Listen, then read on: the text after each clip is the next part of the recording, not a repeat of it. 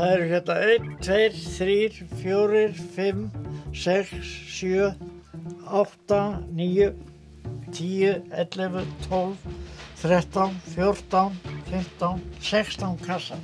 Kæri notandi, þú getur breytt áskriftinni eða sagt henni upp hvenar sem er. Þið þykir vakstarættarkeppnin með 11. september stemanu til að mynda dásamleg. Það var sérstaklega keppandin sem talar mjög opinskátt um tilvistakrísu sína. Sömulegis fólkið sem reynir að rækta stærstu grasker í heimi.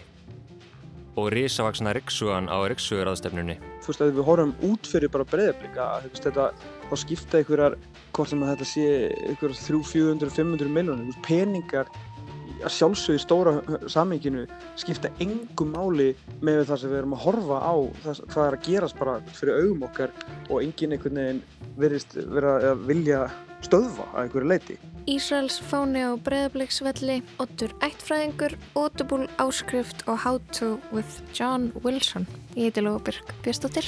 Ég heiti Kristján Guðjónsson. Þetta er lestinn mánudaginn 4. desember.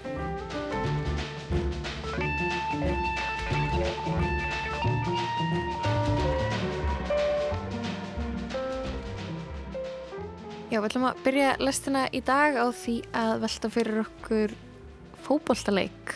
Á femtudaginn þá mætti breðableik Maccabi Tel Aviv í Kópavóinum á sínum heimavalli. Einmitt, það voru mótmælið þarna, bæði mótmælendur sem að voru mótmælið í að breðableik væri að keppa við Ísraels lið, fólk með palestínska fána um, og svo voru líka stuðningsmenn Ísraels um, ríkis sem að mættu þarna, þannig að það var svona um, mjög þrungin stemning, stór palestínufáni var hérna á vellinum mm -hmm. og já, þetta svona, já, þrungin stemning. Mm -hmm. Einmitt og svo þarna, það var svona ansið mögnu fréttaljósmynd inn á fókbildi.net þar sem að þarna, einhver sem var með ísraelska liðinu sérst rétta uh, þarna, þarna manni úr, úr ísælska leðinu, ísælska fánan sem hann síðan flaggar. Einmitt, eftir hann svona... skorar mark þarna, sko. hann skorar mark og, og, og svo fær hann fánan í hendurna og, og flaggar hann Einmitt, en Ísland, samtökin Ísland-Palestína hefur sem sagt uh, kvöttu breðablik til þess að hætta við og mæta ekki þessu ísælska leði mm -hmm. í, í, þarna, í þessu um, Evrópuleik. Sniðganga. Já, sniðganga. Og ég ákvaða að ringja í Tómas Þór Þorðarsson sem er íþróttafrættamæður og vinnur á sjónarpi Símans er rittstjóri ennskapaltans og ræða hans vegan um, um þennan leik og, og sniðgöngu og, og hvort að, já, hvaða áhrif það hefði haft fyrir bregðarblik ef þau hefðu ákveðið að mæta ekki Maccabi Tel Aviv.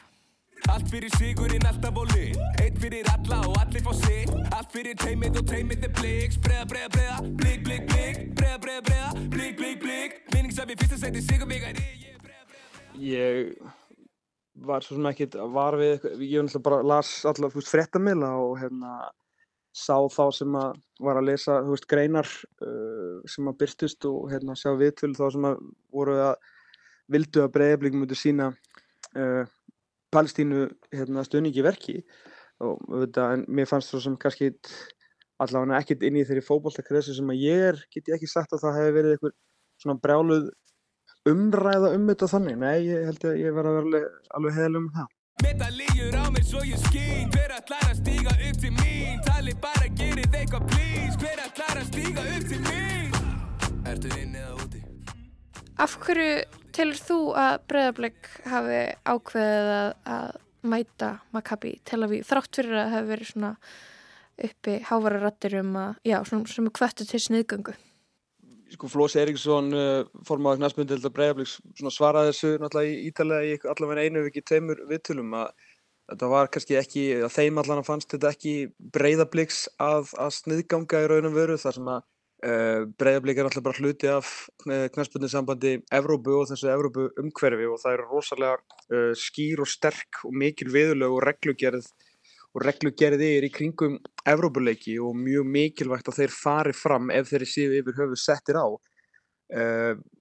Það eru, eins og ég segi, það, það getur verið mikla refsingar fyrir félög að taka ekki þátt, að mann mæta hreinlega ekki til leiks í Evrópukefni því að þetta hefði ekki, í augum UEFA, áður en við förum í allt það sem er náttúrulega í gangi hérna og sá, sá hryllingur að í augum UEFA var þessi leikur settur á þannig að ef að Breiðablík hefði sniðgengi hann hefði raun og veru svona á pappirunum ekki skipt máli hvort þeir hefði ekki mætt í hana því að þá bara, þá, þeir nefnduði ekki eða því þeir var að sniðgangan af vegna svona pólitíska sjónum með það. Mm. Uh, refsingin hefði getið orðið mjög hörð, þeir hefði getið mist uh, mikið og jafnvel allar tekjurnar sem þeir eru búin að skapa sér, tekjur sem að náttúrulega eru rosalega mikilvægar fyrir félagið því að þráttur að breyðablíku búið að spila núna þrjá eða tvo útileiki og eftir að fara í einni viðbót og það er mikill kostnæðar þar sem að þeir eru búin að standa ströym af hjá Breiðablík er náttúrulega reysastórt félag og það er svona samhangandi hérna, sem sagt, hvað var að segja, fjármjörðunir sem eru aðna, bæðið hverna og kallalið og þessu er mjög vel skipt og svo náttúrulega er líka með reysastórt hérna,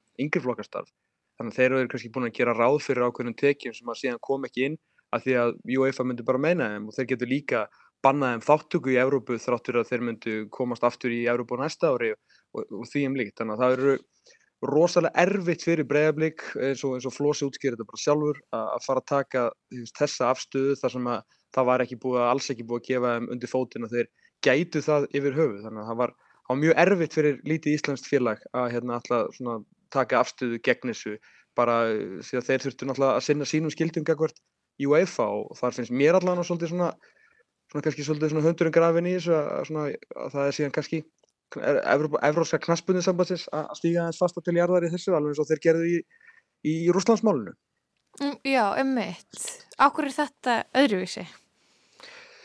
Já, það held ég að þurfu sko bara meiri stjórnmála skýrenda til, a, til að fara yfir. Ég meina, ég er svo sem bara með svona íþróttasjónur með þessu og, og þeir voru öll bara hérna svona reglífa samtök yfir allar íþróttir í heiminum, hvað sem að það var fótbolti, körfubolti, handbolti, badminton eða, eða frjálsar íþróttir setti bara rússana á, á ís þegar þeir reyðust inn í, inn í Úkræðinu mm. og það er mjög lítið það er svona eitthvað aðeins fyrir að koma tilbaka en uh, í alveg alltaf 1-2 ár var bara rússum meinað að taka þátt í alþjóðlegu íþróttaumkörfi Einhverju myndi bara segja að íþróttur eigi að standa fyrir utan pólitík og þar er þjóðu bara mætast og, og, og, og samskipti ríkja skipti ekki máli en svo er það ekki alveg svo, svoleiðis alltaf?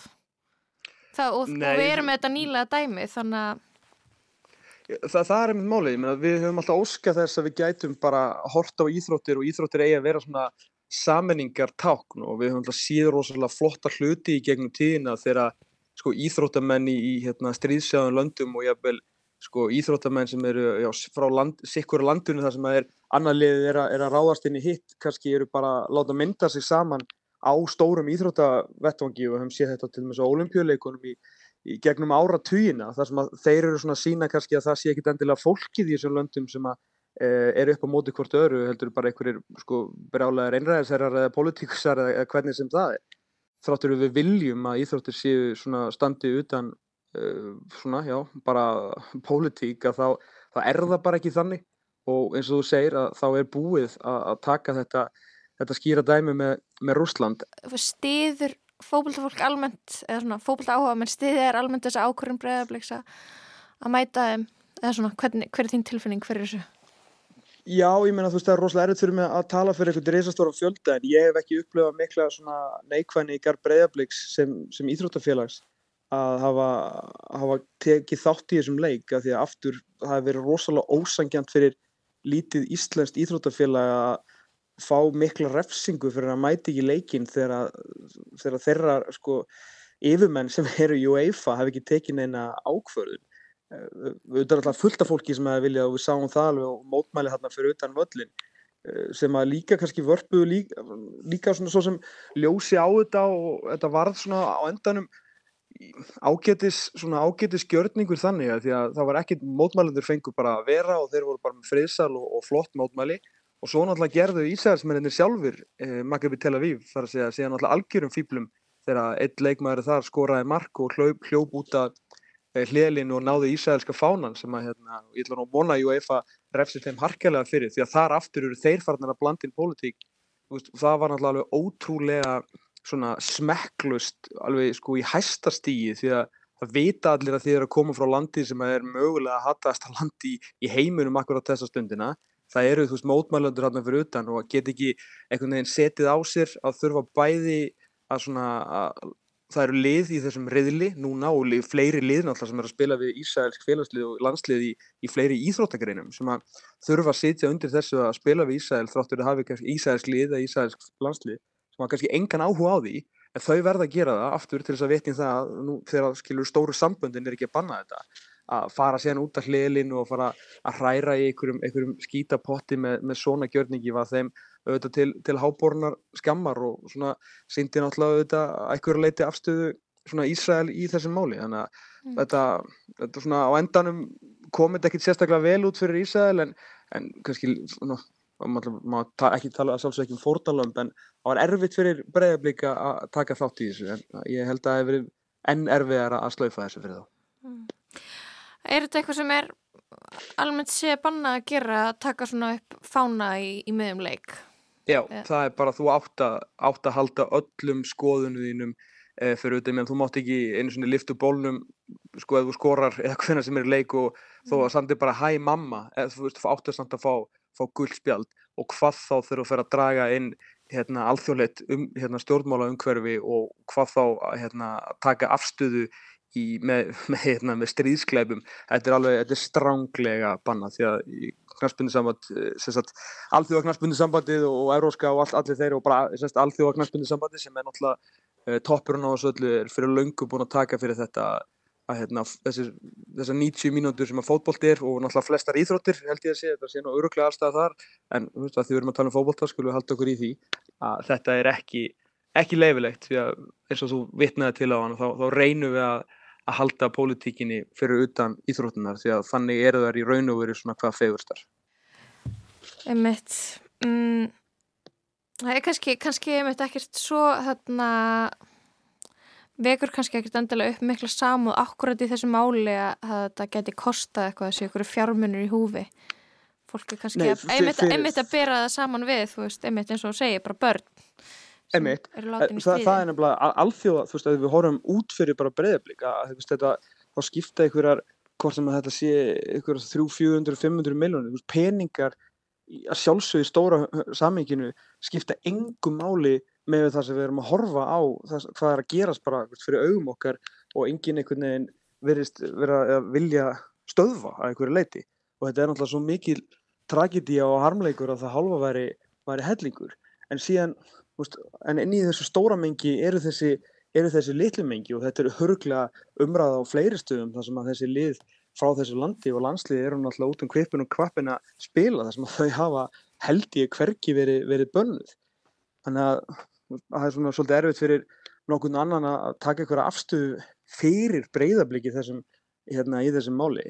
En veist, þetta er, ef þetta hefði verið, þetta hefði verið allt annað, við varum að tala um allt annað hlut ef við hefum farið að spila við Ísæðast landslið og við hefum verið með þá sem sagt eitthvað, þú veist hvort sem að verið KSI eða KKI eða HSI sem sagt handbólti, fókbólti, körfbólti þar sem að sem sagt sérsamband hefði getað tekið eitthvað ákvörðun um þetta að spila ekki við lið en að svona einhvern veginn að neyða breyðablík í þetta hefði verið náttúrulega rosalega ósangjant fyrir liðið. En svo er alltaf að nota orðið eins og þú veist eitthvað fórnalömb og ósanginu og eitthvað en svo er svo erfitt að nota þau út þegar sem er að gerast hinnum einn þannig að mm. þetta er náttúrulega það sem er bara það erfiða í þessu fyrir, fyrir alla og öll íþróttalið sem að þurfa að spila við ykkur frá Ísæl akkurat eins og staðan er núna. Og væri náttúrulega óskandi að hérna, að UEFA myndi náttúrulega bara gera eitthvað. En það verist vera það mikil pólitík í þessu að það er ekkit á, er ekkit á döfinni.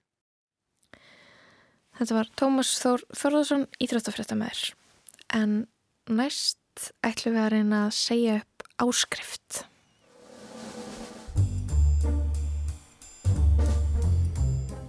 Í einhver ár hef ég haft áskrift að hljóðbókaveitunni Audible, reyndar með hljefum.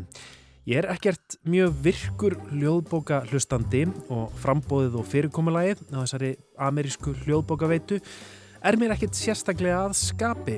Þannig að, núna fyrir helgi, Það ákvaði ég loksins að segja upp áskriftinni minni.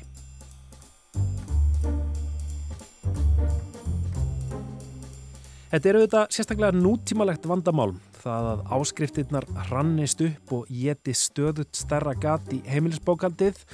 Hver þeirra kostar ekkit sérstaklega mikið einn og sér maður bara slærin kortanúmerið hálf hugsunarlaust en þetta sapnast saman.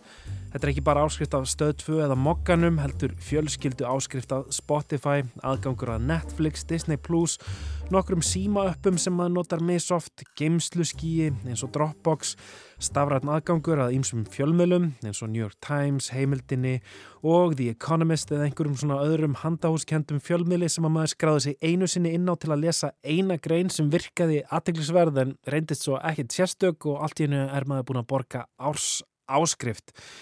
Já og svo er það hljóðbókaveitunar, Storytel og Audible. Þegar þetta sapnast allt saman þá er þetta ekki lengur þúsund kallar á mánuði heldur tíu þúsund kallar. Í ljósi verbulgunnar ákvað ég að bæta stöðuna örlítið og segja upp Audible áskriftinni sem kostar tæplega 15 dollara á mánuði, 2085 krónur. Ég fer inn í appið í símanum til að segja áskriftinni upp, byrja að leitað af skráningar möguleikunum. Hmm. Skimaði við síðuna, ekki hérna upp í horninu, ekki neðst niðri, hmm. sekundurnar líða, mínútur, hmm. hvað er þetta eiginlega? Mér verður ekkert ágengt, fer inn í prófíli minn, leitað einhverjum vísbendingum, view account manage plan, ok, hérna er allavega upplýfgandi bóðskapur. Kæri notandi, þú getur breytt áskriftinni eða sagt henni upp hvenar sem er. Þetta hljóma vel, en einu valmögulegarnir sem ég finn er að kaupa dýrari áskrift, betri áskrift með fleiri kreditum. Áskriftamótil Audible gengur út á það að notandi fær mánagalegan innegnapenning, kredit, ólíkt Storytel þar sem allar bækur streymstjónustutunar eru aðgengilegar öllum hlustendum fyrir fast verð, þá þarf það að nota þessa innegnapenninga til að kaupa þær hljóðbækur sem þú vilt njóta.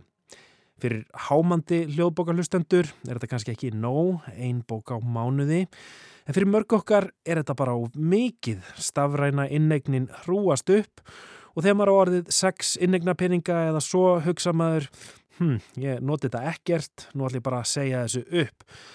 En það þýðir hins vegar að þá glata maður innegnar peningunum og það var ju auðvitað algjör sóun. Svo maður fer að leita hljóðbökum til að kaupa fyrir innegnina, kaupir sex stykki, eina æfisögu, eina nýlega skáldsögu og eitthvað um Ísrael-Palestínu og svo byrja maður að hlusta. Native Palestinian Arabs who happened to be abroad when the British took over were denied it. Finally, Og eftir smá stund er maður búin að gleyma því að maður ætlaði að segja upp áskriftinni.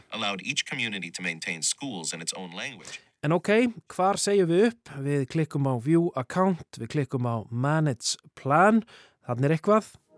Til þess að breyta því hvernig þú greiðir fyrir mánadarlegu Audible áskriftina þína, skaltu tala við Apple. Ok, þar sem að ég skráði mig uppröðunlega í gegnum iPhone síma og greiði í gegnum Apple appbúðina, það er það líklega í gegnum það sem ég afskrái mig. Ég leita, fer inn í Apple aðgangin minn, en síminn vil ekkert fyrir mig gera. Þú hefur engar virkar áskriftir, segir hann. Hm, hvert fer ég þá? Ok, það lítur að vera önnur leið. Ég loka símanum og opna tölvuna, opna vefsíðu Audible, gerir þar líka döðaleit en allt kemur fyrir ekki. Sem betur fer get ég þó beðum hjálp. Audible býður auðvitað ekki upp á að ringja eða ræða við raunverulega manneskjum vandamálið raunar ekki heldur gervegrindar spjallmenni. Þessi tæknirísi býður bara upp á gamaldags hjálparsíðu eins og við séum einhverju fjarlæri fortíð kannski árið 2019.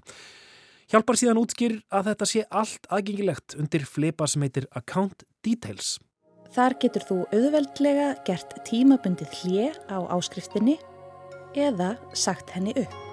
Flott mál, inn á þessari undirsíðu er nóga upplýsingum um neysluhauðun mína í appinu hvenar ég skráði mig fyrst, hvað ég hef hlustað á marga bækur, hversu margar ég hef klárað, hvenar ég á von á næsta innegna pening, en engir valmöguleikar um að taka sér pásu eða afskrá sig. Það er klukkutími liðin og ég hugsa um auðæfi Jeff Bezos, eiganda Amazon og Audible sem aukast með hverri sekundunni, peningarnir streyma út af kreditkortum og inn á bankareikningans og meðan 300 miljónir áskrifenda Audible reyna í örvæntingu að segja áskriftinni upp. Einhvers staðar les ég að Bezos auðgist um 500 dólar á sekundu, 70.000 krónur á hverju einustu sekundu allan sólarhingin, alla daga ásins. Á þeim klukkutíma sem ég hef flakkað millir herbergja í þessari kafkaísku neytenda þjónustu Audible, þá hefur Jeff Bezos auðgast um 252 miljónir króna, ein klukkustund. Það er 31,5-8 miljón króna Tesla á einni klukkustund. Og vel að merkja, þó ég sé komin á miðjan færtugsaldur, þá er ég enn tildula ungur maður, þokkalega tæknilæs og tölvufær. Guð hjálpi fólki sem hefur ekki alist upp í tölvu heimi. Hugurökkum ömmum og öfum sem að fyrir rælni ákvaða að prófa þetta sniðuga hljóðbóka app. Á einhverjum tímpunkti fæ ég þá snildar hugmynd að skrá mig inn á síðu móður fyrirtækisins Amazon. Það er samtengtur reikningur millir Amazon og Audible Ég finn undir síðuna Christians Audible Settings með óinju skýrum valmöguleikum. Já, þarna er hann falinn neðarlega á síðunni, lætur lítið fyrir sér fara, tvö orð, cancel membership, segja upp áskrift. Ég þrýsti á stafina og býð spendur. Í ofvæni hvert verði ég sendur. Síðan opnast löturhægt Til þess að breyta því hvernig þú greiðir fyrir mánadarlegu Audible áskriftina þína skaldu tala við. Ég hef verið sendur aftur á sömu síðuna, aftur á byrjunarreitt. Ég reyna að googla vandamálið, lendin á reddit þræði þar sem að fjölmarkir er í sömu vandraðum, fólk deilir ráðum en fyrst og fremst pyrringi sínum og reyði. Þetta er eins og sjálfsjálpar hópur, harmsögur um fólk sem hefur reynd aftur og aftur og aftur að segja upp reikningi sínum mánuðum saman. Alltaf festist það í einstefnu götu og kemst ómögulega út.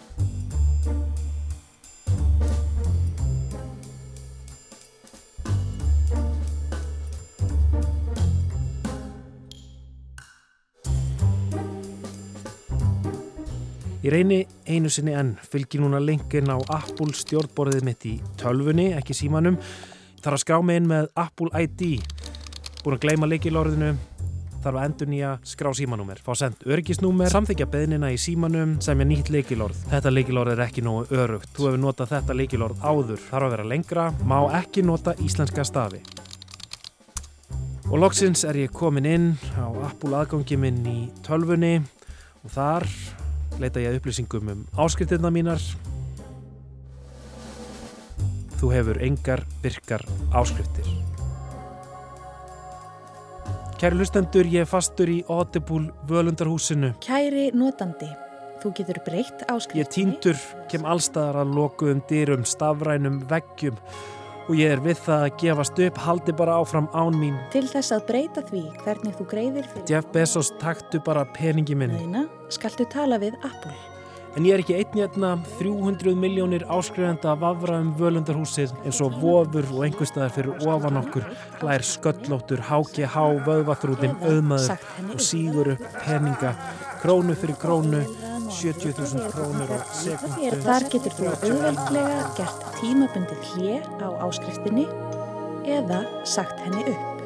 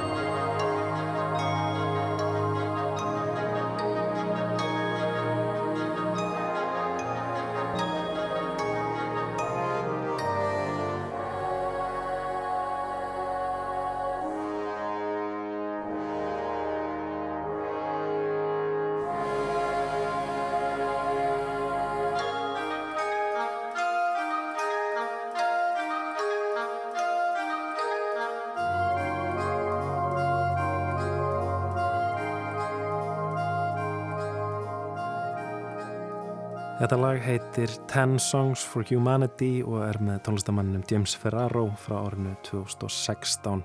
Plata sem heitir Human Story sem að um, ég var ekki búin að pæli þá kannski þú benti mér á það Lóa að þá er ég svona Amazon merki framan á plötunni. Þetta er svona plata sem vinnur með ímiðskonar um, tákmyndir uh, nútíma kapitalismans um, leikur sér að þeim. Mm -hmm.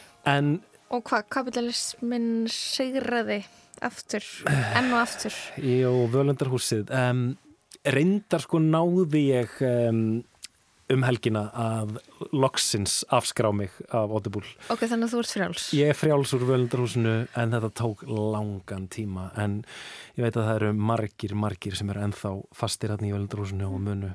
Það var bara að gefast upp? Já, að gefast upp mm. og bara búa þar um, borga 2000 krónur að minnstakosti til Jeff Bezos um, hver, í hverju mánuði. Ég náttúrulega borgaði einu svona fyrir Amazon Prime í Breitlandi í svona fjögur ár eftir ég fluttið Einmitt, Svona getur þetta verið lúmst Þetta getur verið lúmst, algjörlega. Og þess að pröfu áskriftir maður ekki treysta Já, þeim í eina sekundu.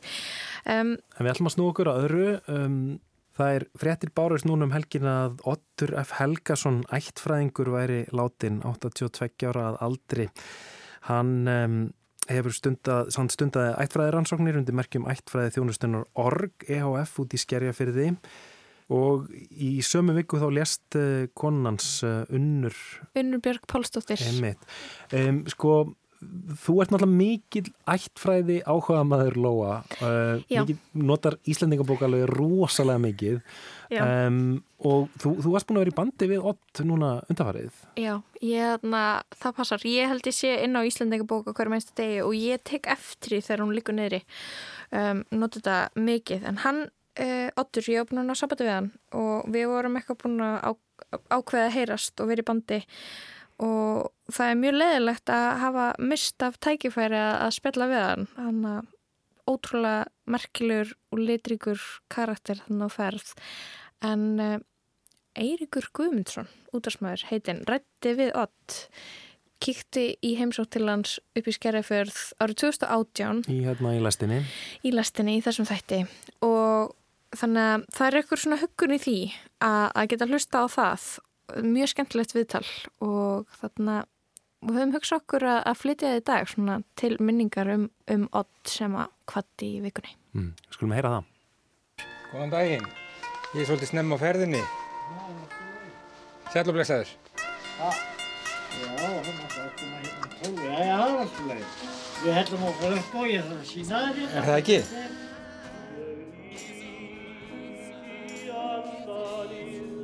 Sýðum, pappið þessa, ég fyrir yfir alltaf svona, hann er skólabóðið minn, Otur Líður Átnar, Líðsson Átnar. Hvað ert að gera nákvæmlega núna, Otur?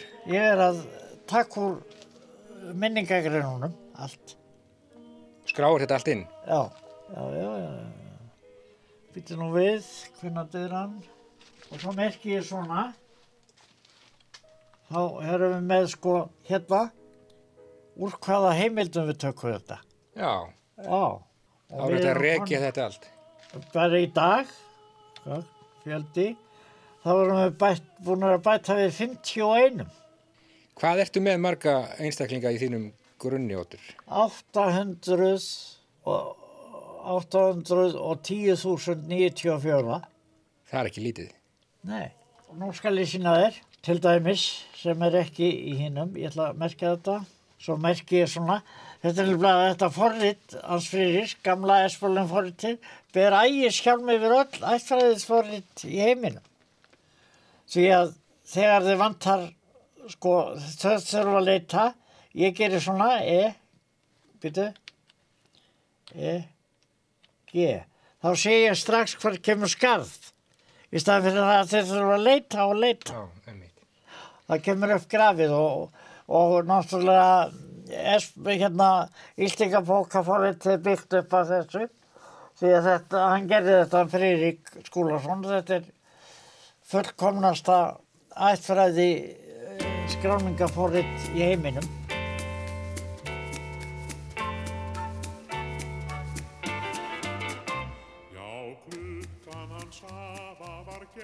En nú skulum við lappa hérna byrja á því En þinn grunnur er ekki á netinu, Otur? Nei, og er ekki. Af því að hann er, eh, sko, það er persónumvend á Íslandi. Já. Já, að fólk þarf að koma hingað og fá sér kaffi hjá þér til að... já, já. að fá að og kíkja. uh, þegar við gerum uh, hérna, uh, niðjatöl fyrir fólk, kannski frá langafa og langum og annað, þá verður það að gera vest með leifi eða fleira, fleira úr, úr ættinni. Það til dæmis sitt ekkert fyrir þau og byggjum ættartölna frá, það frá langafaðinum eða langömmu. Þú verður að fá leifi eða í, vinna í samvinnu við ættingjara. Já, já. Það gekk hún ei að hann afi dó. Nú skulum við lappa um. Við erum að koma upp safni um eins og þetta var gert áður en að að hérna Hörfuöldin kom. Hér er eitt mesta safn hvað fólk gerði. Sjáðu. Til dæmis eins og þetta hérna, þetta eru blaðarklubun og annað þegar Arnandalsættin var í. Það eru hérna 1, 2, 3, 4, 5, 6, 7, 8, 9, 10, 11, 12, 13, 14, 15, 16 kassar. Annað er hitt hvað fólk gerði, til dæmis eins og þetta hérna. Það let ljósita, sérðu. Við þurfum þetta raunverulega ekki neitt, en þetta er bara til að sína, Þetta eru minningargreinar. já, Já. og alveg hreint og... Margir metrar hér á minningargreinum. Já, Já. Það er rúmgott hjá þér hérna. já, já, já, þetta er að vera of lítið. Uh, við fengum bókasafn uh, hérna Steindors Gunnarssonar og Steindors Steindorssonar frá hlöðum. Það er þarna. Já, það er hérna í þessu og Geirs Hallgrímssonar og Finn Sigmundssonar. Því að Erna kona Geirs og mamma eru fjórmenningar af hversagilsættinni, afkomendur Jónasar. En Oddur, hérna. Oddur, hver er svona, sko, hver er tilgangurinn með því að draga þetta allt saman? Hvað hérna, Þetta hvers er virði er þetta? Svo miklar, þetta er bara, þú getur skrifað sögu þjóðarinnar í gegnum þetta. Eins og ég síni þér á eftir. Svo skulum við koma hérna, þú sér það að eru myndir hérna og listaverk. Það væri ekkert gaman að koma hérna nema að sjá bara bækurnar og tölvurnar, segja söguna.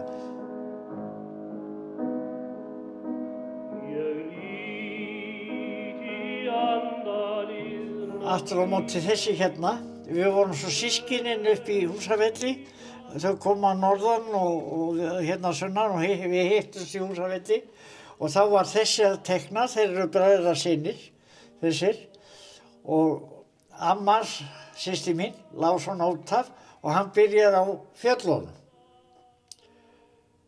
Já, sem sagt, og ég segi, hvað er þetta að gera Andri? Þetta að mála myndir af brjóstólum á ömmuðinni. Hér eru myndir. Hér er síðast torpar sem að var rifin hér Reykjavík því að ég er af þekktustu ætt eigafjörðar, þess vegna segi ég afkomendum Tómasar og Rannvegar í Hvassavelli og þau voru langa og langa maður Jónasar Hallgrímssonar og ég er út af þeim í tvo liði út af Helgu og, og Jósef.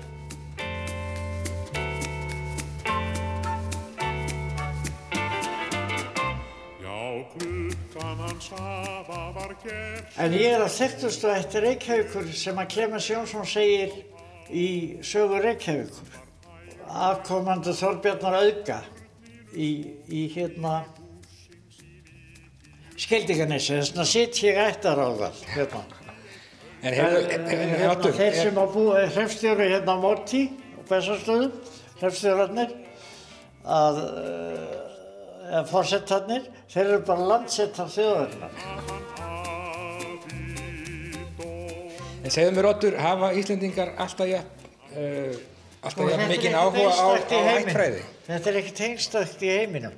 Þetta er bara bull sem að þið segja að sé, en það eru fjögur atrið sem gera það, að það er miklu léttar að gera þetta hérna. Það er fámennið, það er með nafnahefðin, það er ekki smitt og Norrland, það eru Jónstættur og Guðmundstættur. Það er sagnahefði Íslinga, samanberið svo heimskringlu og það er það að fjörðatrið er að eiga þetta forrið hans Friðriks. Sko nú mæla menn allt í, í peningum áttur eins og þú veist og einu sinni ætluðu menn að vera, ætluðu menn sér að verða bara hreinlega ríkir á, á, á ættfræði. Veistu hvers verði þinn grunnur er? Getur Nei. ímyndaðir það? En það er búið að kosta uh, hundruður miljóna að gera Íslendingabók og þessi grunnur er miklu viða meiri og ég sýni það þá eftir.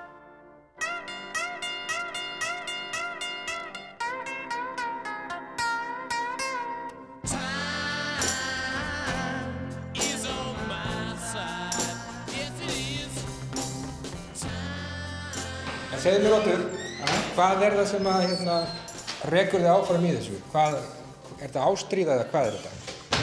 Þetta byggist upp á, á áhuga þólumæð og minni. Já, Já, þú lítur að hafa mikla þólimæði. Já, Þetta er þólimæðisverð. já, ég held ég væri nú ekki þólumæður, móður. En verður þú aldrei leiður á þessu? Nei, nei, Aldrei? nei, nei. Sittur þú við þetta alla daga? Já, já, já, klukkan 6 á mótnana. Já. Já, já, já. Og hvernig ertu hættur?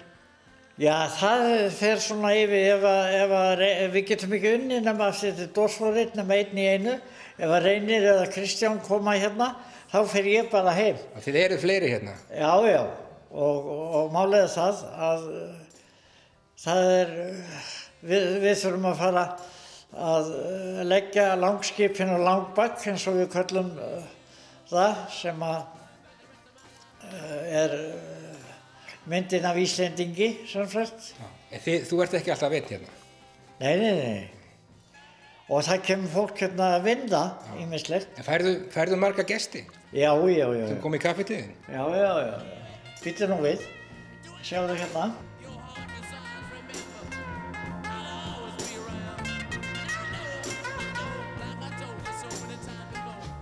Þetta er eftir sjómann frá Akureyri. List, flest listaverkin sem eru hérna eru eftir menn sem eru ættaðir frá Akureyri og Eifjörðursík. Og þú ert gammal sjómaður. Já, Já. þetta er mynd eftir Jóhannes Geir. Það voru þremmenninga mamma og hann. Og hérna eru myndir af okkur hjónunum. En hérna eru myndir af okkur líka eftir Bjössu á- frá Lörlandi. En þetta er bara þessi myndir fyrir 29 kílóum síðan. Já, eitthvað svolítið. Það er alltaf að húmor. En Óttur, hvað er hérna, hvað er framöndan hjá þér í dag? Hvað ætlar að gera í dag? Skráin, Hvað kemst yfir mikið í dag? ég, hef svo komið um hundrað í dag. Við erum fannir að inn í grunn. Hundra færslur. Já. En hefur alltaf verið grúskari, Óttur? Er þetta þér bara í Alveg, blóð sko, Pabbi ferst þegar ég er þryggjára gammal Já, og, og hérna, mamma giftist aftur og ég er alin upp hérna hjá af og ömmu. Og nú er gaman að því hérna er málverk af uh, hólum í Eifirði og það stendur maður í hlaði, þetta er þetta Jóhannes Geir, hann málaði þetta handa okkur. Hér fyrir við skrifborðið hjá mér er myndin af manninum sem stendur þar í hlaði. já, já. já. Já. Það er mikið af munum hérna og það er, það, það það er það að er góð stemning hérna. að k- koma hérna og sjá bara bækur og tölfur. Það er svo rosalega mikið af myndum og, og listaverkum og annað sem að segja söguna. Já.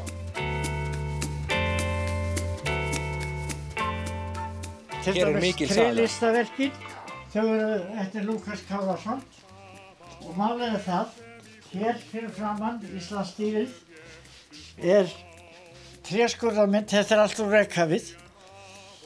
Þetta er Snorri Sturluson. Já, einn og hálfur metr hérna bara fyrir framann stýrið. Já, Ég sé stundum að þú læ- lætur taka myndir að þér Óttur og setur á, á samfélagsmiðlana Já, einmitt, þetta er einmitt Íslandsstýrið. við þetta stýri og, og, og margir mektarmenn sem hafa staðið hér Já, við, hliðir.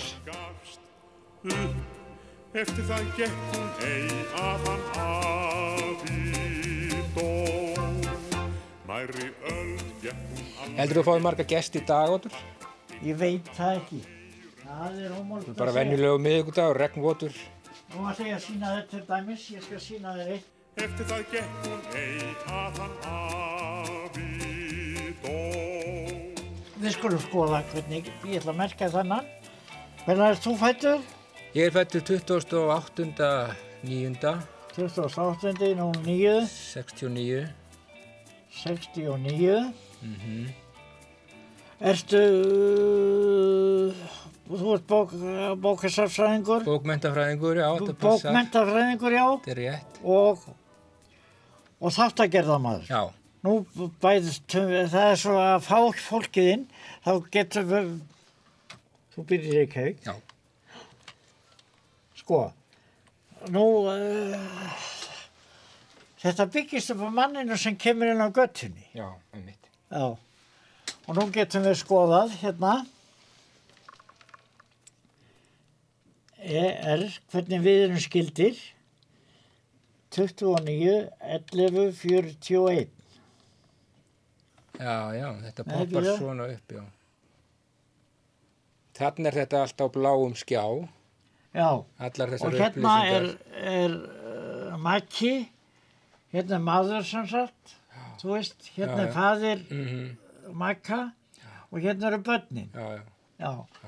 Já, já, nema að ég ætla að sína þér, ég ætla að sína þér til dæmis hvernig er, nú get ég sínt þér, Já, þannig er gríðarlega mikið af upplýsingum, já, Og meira en bara fæðingadagar og ár. já, já, við meira. skrifum söguna inn í, Otur, ég ætla að fa- fara að leifa þér að halda áfram og, og þú nær kannski, segir 100, 100 einstaklingum í dag. ég vona það, Er það ekki? jú, jú, jú, Segð bara takk fyrir spjallið og Já. gangið vel og takk Já. fyrir að taka á móti mér. já, allt í leifinu.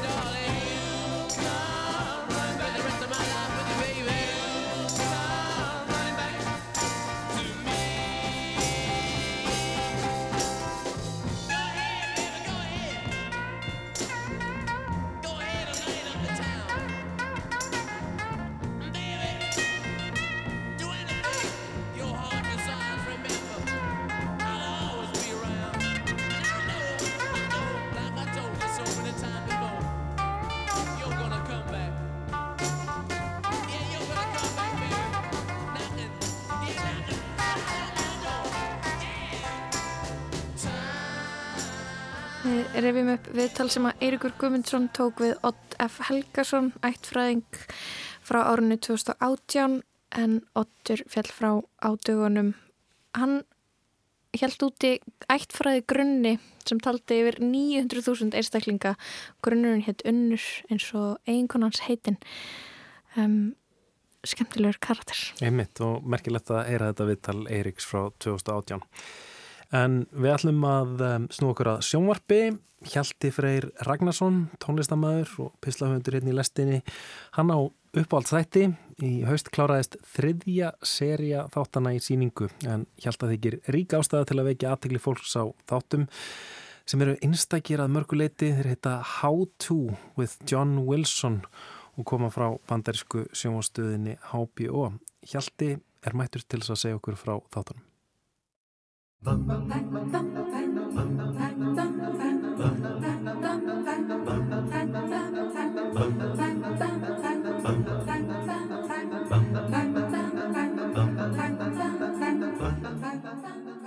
Reykjavík. Nathan Fielder er þekktur fyrir margla gaman þætti á borð við Nathan for You og The Rehearsal og nú síðast fyrir The Curse. YouTube-brásans geymir Ímis skondin myndbrott, mörg hver frá því áður hann var þekktur fyrir Nathan for You. Þú er stökusinnum ráfað um rásina og flissaða uppátækjanum sem þar má finna. Í eitt skiptana rakstu á nýtt myndband. Fyndi kynningamyndband fyrir HBO þættina How to with John Wilson sem fer fljótt út af spórinu á besta mögulega máta. Þetta var síðla árs 2020. Fyrsta seria þáttana var þá nýbúin í síningu og þú óðst beint í málið að prófa þá. En Nathan Fielder kemur reyndar ekkert fyrir í þáttunum. Hann framleiðir þá bara. Þáttastjórnandinn John Wilson er skrítinn skrúfa og skemmtileg. Flesta stundir í sínu daglega lífi gengur hann um með tökuvél og nýtir botlust úrval myndefnis sem verður til við það til þess að skreita hálf ljóðræna frásökt sína í to stuttmyndum á Vimeo. How to with John Wilson þættirnir eru svo byggðir að þessu konsepti. Hvert skotið á hverstagsundrum á fætur öðru myndskreitir hugleðingar John um umfyllunarefni þáttarins. Í raun kemur John eiginlega ekkert mikið meira fyrir í þáttunum en Nathan nema í stöku endurspeglun eða á ljósmyndum. En rött hans er áallt til staðar, límandi saman myndbrotin með skemmtilegum og eilítið vandraðlegum prósa. John þylur hann þar að auki upp í annari personu sem eigur enn á kynlegan ambíansinn, en hann segir skera það til að leifa áhörundunum að vera meira með. Við endur áhorf áttar þið reyndar á því að John byrjar ekki á því fyrir henni í annari serju. Þú heldur þið samt við ákvörunina um að hafa pistilinn sagðan frá þessu skrítna sjónarhórni og reyna að fanga smá John Wilson anda með færri hikorum þó. Yfirskrift hvers þáttar er kennsla í einhverjum ánga mannlegar tilvistar og notast við how to minnið. Hvernig skal setja upp stillans, hvernig skal skipta reikningnum og þarfram eftir gödunum. John viðkenni þó sjálfur að hann svari í raun aldrei neittni af spurningunum beint en noti frekar umfyllunarefnið sem eins konar vegvísi leggur upp í leiðangur með þá stefnu en leifir fólkinu og uppákomunum sem mæta honum að taka við tömnum. Þættirnir fljóta því eins og gefur að skilja langt frá gefnu umfyllunarefni og oftar en ekki á stórfurðulega slóðir. En John grýpur hverja gæs sem gefst til að ræða við áhugavert og undarlegt fólk og fylgja því hversin það gæti leittan. Í þætti um hvernig skal plasta húsgögnin sín kútveltist hann heim til ófeimins manns sem vil aðstóða menn við að láta fórhúðuna sína vaksa á ný eftir umskurð. Í þætti um hvernig skal vera spontant rambar hann að lókuminn á ráðstefnu fyrir ráðstefnuhaldara. Í þætti um hvernig skal njóta góðs víns endar hann eftir skrautlegt ferðalag heima hjá eftirminnilegum orkudrykja baróni. John afvopnar ókunnuga með því að mæta þeim berskjaldadur. Fær þá einhvern veginn til að segja sögu sínar og koma sér beint að kjarnar sínum. Almennt rapp við gamlan orgelflutningamann breytist á ógna hraða í frásögn hans af draumórum um að ferðast um geimin sem er gott dæmi um hversu skjótt þættirnir vekja oft upp samkend hjá manni með alveg ókunnu um karakter. Þið langar ekkert sérstaklega að falla í þá grefju að fara að ræða um hugtækið þið sammannlega en þættirnir benda bara trekk í trekk óbeint á það og hvernig það má alltaf finna í hverskins krókum og kemum. John býr í New York og byrjar hvert þátt á að helsa. Hey New York. Borgin spilar stóra rullu í þáttunum, sér í lægi þegar umfyllunarefnið er gríðalögur fjöldi stillansa í New York, erfiðleikan er að finna bílastæði og því um líkt. Búið er að finna fullkomi skot fyrir hvert tilefni svo að húmórin í myndefninu flúttar árenslulöst við frásögnina og bætir við auka lögum af afþreyingu. Svo verið sem að ef eitthvað hefur gerst, þá hefur það gerst í New York og meiri líkur en ekki á því að John hafi festa á filmu. John vann um tíma fyrir engaspæjara og þá þurft hann að rína í óspennandi myndefni tímunum saman í leitað einhverju smáadriði sem gæti skipt máli. Í því þróaðan með sér þetta arnar auga fyrir því merkilega í hennu ómerkilega, einu sterkasta enginni þáttana. Það er fegurð í augnablíkunum á milli atbyrða og John veit það manna best. Í þættinum Hvernig skal bæta minni sitt segir John að gríðarlega gloppót minni gæti verið ástæðan fyrir þráuginu hans fyrir að taka upp daglegt lífsitt. Sem er mjög skrítinn þegar þú fer að hugsa út í það.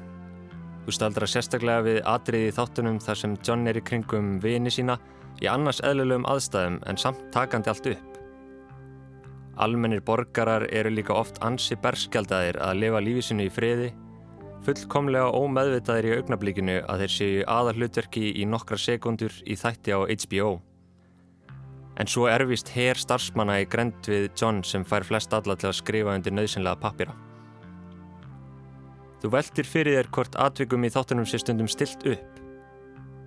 Hvort þeir séu meira eftir fyrirfram skrifuða handriti en gefið þetta kynna. Næst síðast í þátturinn í nýju seríunni tekur þessar spurningar emitt fyrir. Vitaskuld á gáskafullan máta. Ekki er nóg með að hann taki allt upp. Hann heldur líka mjög nákomar dagbækur um lífsitt eins og við fáum að sjá í áðurnemdum minnistætti.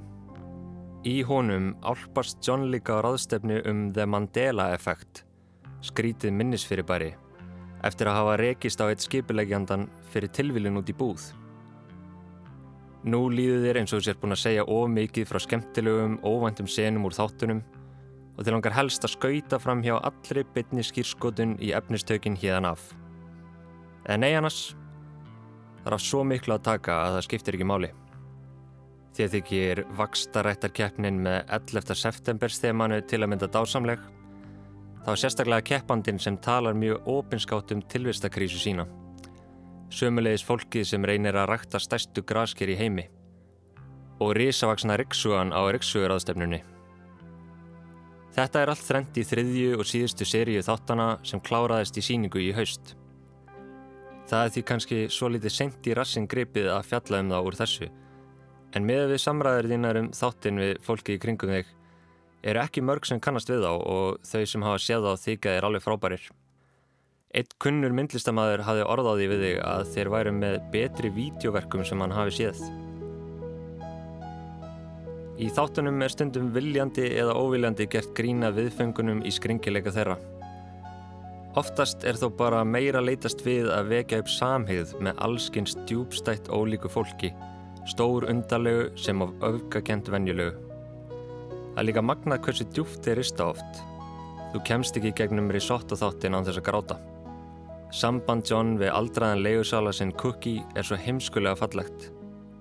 Þau horfa saman á Jeopardy klukkan 7 á kvöldin, hún leifur honum ekki að fara með þóttin sinn á lúsut londrómat og þværa hann frekar hjá sér og vill þar að ekki að hann kalli sér mama. Hey mamma, hey mamma.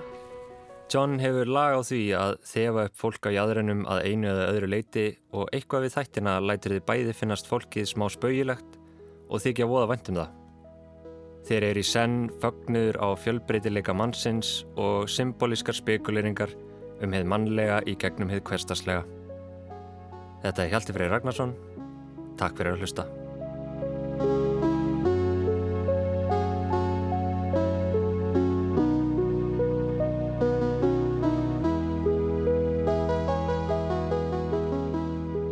Hjalti Freyr Ragnarsson saði frá þáttunum How to with John Wilson.